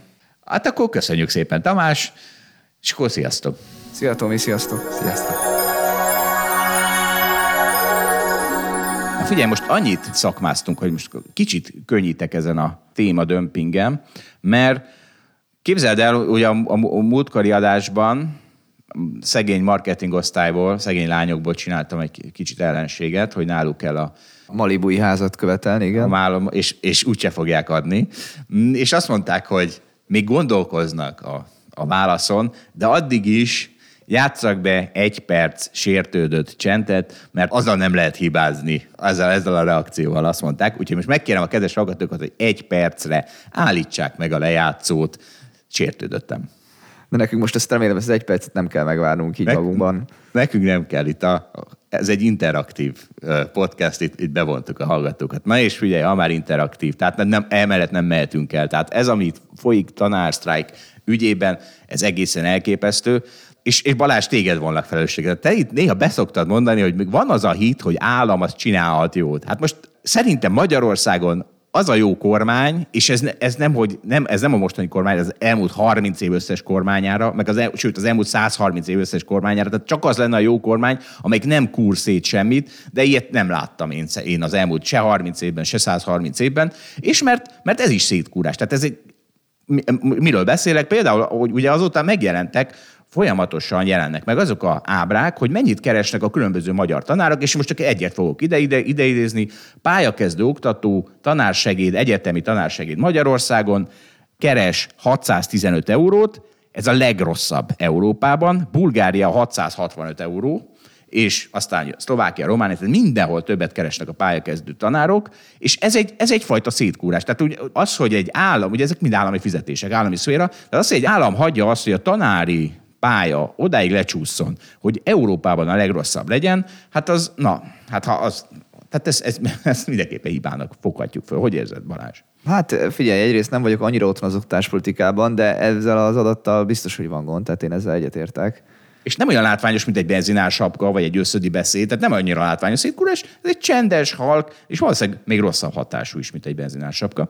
De meg hát nem csak erről van szó, tehát amikor az oktatásban akarsz valamilyen strukturális változtatást elérni, akkor beszéltünk róla, honnan is podcastot ide be lehet vágni, másfél évvel ezelőtt, akkor tényleg az van, hogy hát senkinek, vagy hát nem senkinek, de általában a kormányoknak nem éri meg bevállalni ezeket a változtatásokat, Hát most itt már nem tudok visszamenni, mert nem tudom pontosan, mit csináltak a 2000-es években, a kormányok a 90-es években, majd Zsolt, ez a te dolgod, te már akkor is ez biztos águs szemekkel figyelted, de, de hát nehéz most olyat említeni, ami, ami, ami ilyen köztudomású lenne, hogy valamilyen nagyon pozitív változtatás megtörtént volna. É, mondom, az elmúlt 30 év, ez, ez kétségtelen. Viszont És nagyon érdekes. Emlékszem, amikor az Amazonról beszélgettünk, szegény Amazon munkásról, aki a coca üvegbe pisil, és ti itt bántottátok az Amazont, hogy az a szemétláda hogy elnyomja azokat a munkásokat. És akkor utána néztem, hogy miért nincs mondjuk minden Amazon munkás szakszervezetben, és ilyen elképesztő hazugságokkal szokták a munkaadók eltántorítani ettől a munkavállalókat, és akkor értetlenkedtem, hogy én innen Budapestről 5 perc googlizással kiderítem, hogy hazudnak a munkaadók, amikor az Amazonnál azt mondja, mondok egyet, azt mondja, hogy ha valaki szakszervezeti tag lesz, akkor nem emelkedett többé a fizetés. Hát ez egy ordas hazugság, de mégis ilyenekkel érvelnek. Miért? Mert az a munkavállaló az úgyse fog googlizni egyet. És most Magyarországon a tanárok hozzák azt a szintet, hogy, hogy elhiszik, amit a munkaadó itt Magyarországon hazudik nekik, ahelyett, hogy googliznának 5 percet, hogy most vajon tényleg törvényes az a sztrájk, vagy nem törvényes az a sztrájk, és aztán egy csomóan nem, nem sztrájkolnak. Tehát, hogy az, hogy az Amazon dolgozó még erre nem képes, az, az talán még, de hogy meg egy magyar tanár se képes arra, hogy, hogy utána nézzen, hogy most akkor tényleg ez á, elképesztő elképesztően szomorú, és tudod, mi a leg, leges legszomorúbb? Tehát az Amazonnak ez az alja egy százalék, hogy, hogy mondjuk úgy rosszul bánik a alkalmazottal, de hát valójában nem bánik rosszul, ugyanis Amazon alkalmazottnak lenni, ugye a nulla képzettséggel, az a létező legjobb állás, akár a történelemben, akár földrajzilag. Tehát se, soha nem volt olyan jó képzetlen munkaerőnek lenni, mint hogyha te az Amazonnak dolgozhatsz. Akár fizetést nézzük, akár munkakörülményeket, akármit. Na most ahogy az előbb mondtam, a magyar tanárokra ez nem igaz, nekik a legrosszabb Európában. Tehát a magyar állam hozta 30 év alatt, hozta az Amazon legrosszabb részét, azt elfelejtette, hogy a leghatékonyabb vállalat közben, meg a legprofitábilisabb cég, meg a nem, nem tudom, ez, ez, valahogy kimaradt ez a rész sajnos. Tessék, le tudod osztani, hogyha 600 eurót leosztod, nem tudom, 15-tel, akkor, akkor egy Amazon munkás hány óra keresi meg a magyar tanárbérét? 15-tel? Miért 15-tel? Hát mert 15, 15 eurót keresnek, vagy 15 dollárt keresnek ja. óráként az Amazon dolgozói, tudod, ott ez a minimálbér. Persze nem, nem jó az összehasonlítás, mert másik országban vannak, csak látod, hogy ha ezt az összehasonlítást megcsinálod, akkor az Amazon dolgozóknak milyen jó. Na, államok cseszegetése után menjünk egy békésebb vizekre. Figyelj, Bill Ackman keresett egy csomót. Mi történt? Október 20-án, mint Fed tanácsadó mondta, hogy azonnal kamatemelésekre van szükség, hogy visszaállítsuk a kredibilitást. És, mit és... akar ez az ember esést? Hát hihetetlen, nem? nem, hozamemelkedést, ugyanis vett egy csomó kötvényszvapot. Azt hát lelkesen szurkol a hozamemelkedésnek akkor. Hát meg, meg, meg javasolja a Fednek, hogy akkor legyen hozamemelkedés. Lett is hozamemelkedés, úgyhogy ő a kamatemelés után nem sokkal, órákkal később eladta ezeket a swapokat, nyert rajta egy 1,3 milliárd dollárt, és ebből Netflixet vásárolt, ami összeomlott. Úgyhogy Balázs, azt hiszem, hogy van, aki ezt talán még nálunk is jobban csinálja. Igen, igen, oda csapott az avokádóknak rendesen. igen. Na, hát köszönjük szépen a figyelmet, akkor egy ilyen Bill Ackman-i zseniális húzással búcsúzunk. Mindenkinek sok bilekmenkedést a hétvégére, a viszont hallásra. Ja, és be, bocsánat, és akkor lesz megint vasárnap hajnali részünk is. A viszont hallásra, sziasztok! Köszönjük, hogy velünk tartott a Hold After Hours mai részében. Ha tetszett a műsor, kérjük értékeljen minket, és iratkozzon fel csatornánkra, hogy azonnal értesüljön legfrissebb epizódjainkról. Az adással kapcsolatos részleteket és az említett cikkeket, ábrákat keresse a Hold blogon. Ez volt a Hold After Hours. Tartson velünk a következő adásban is!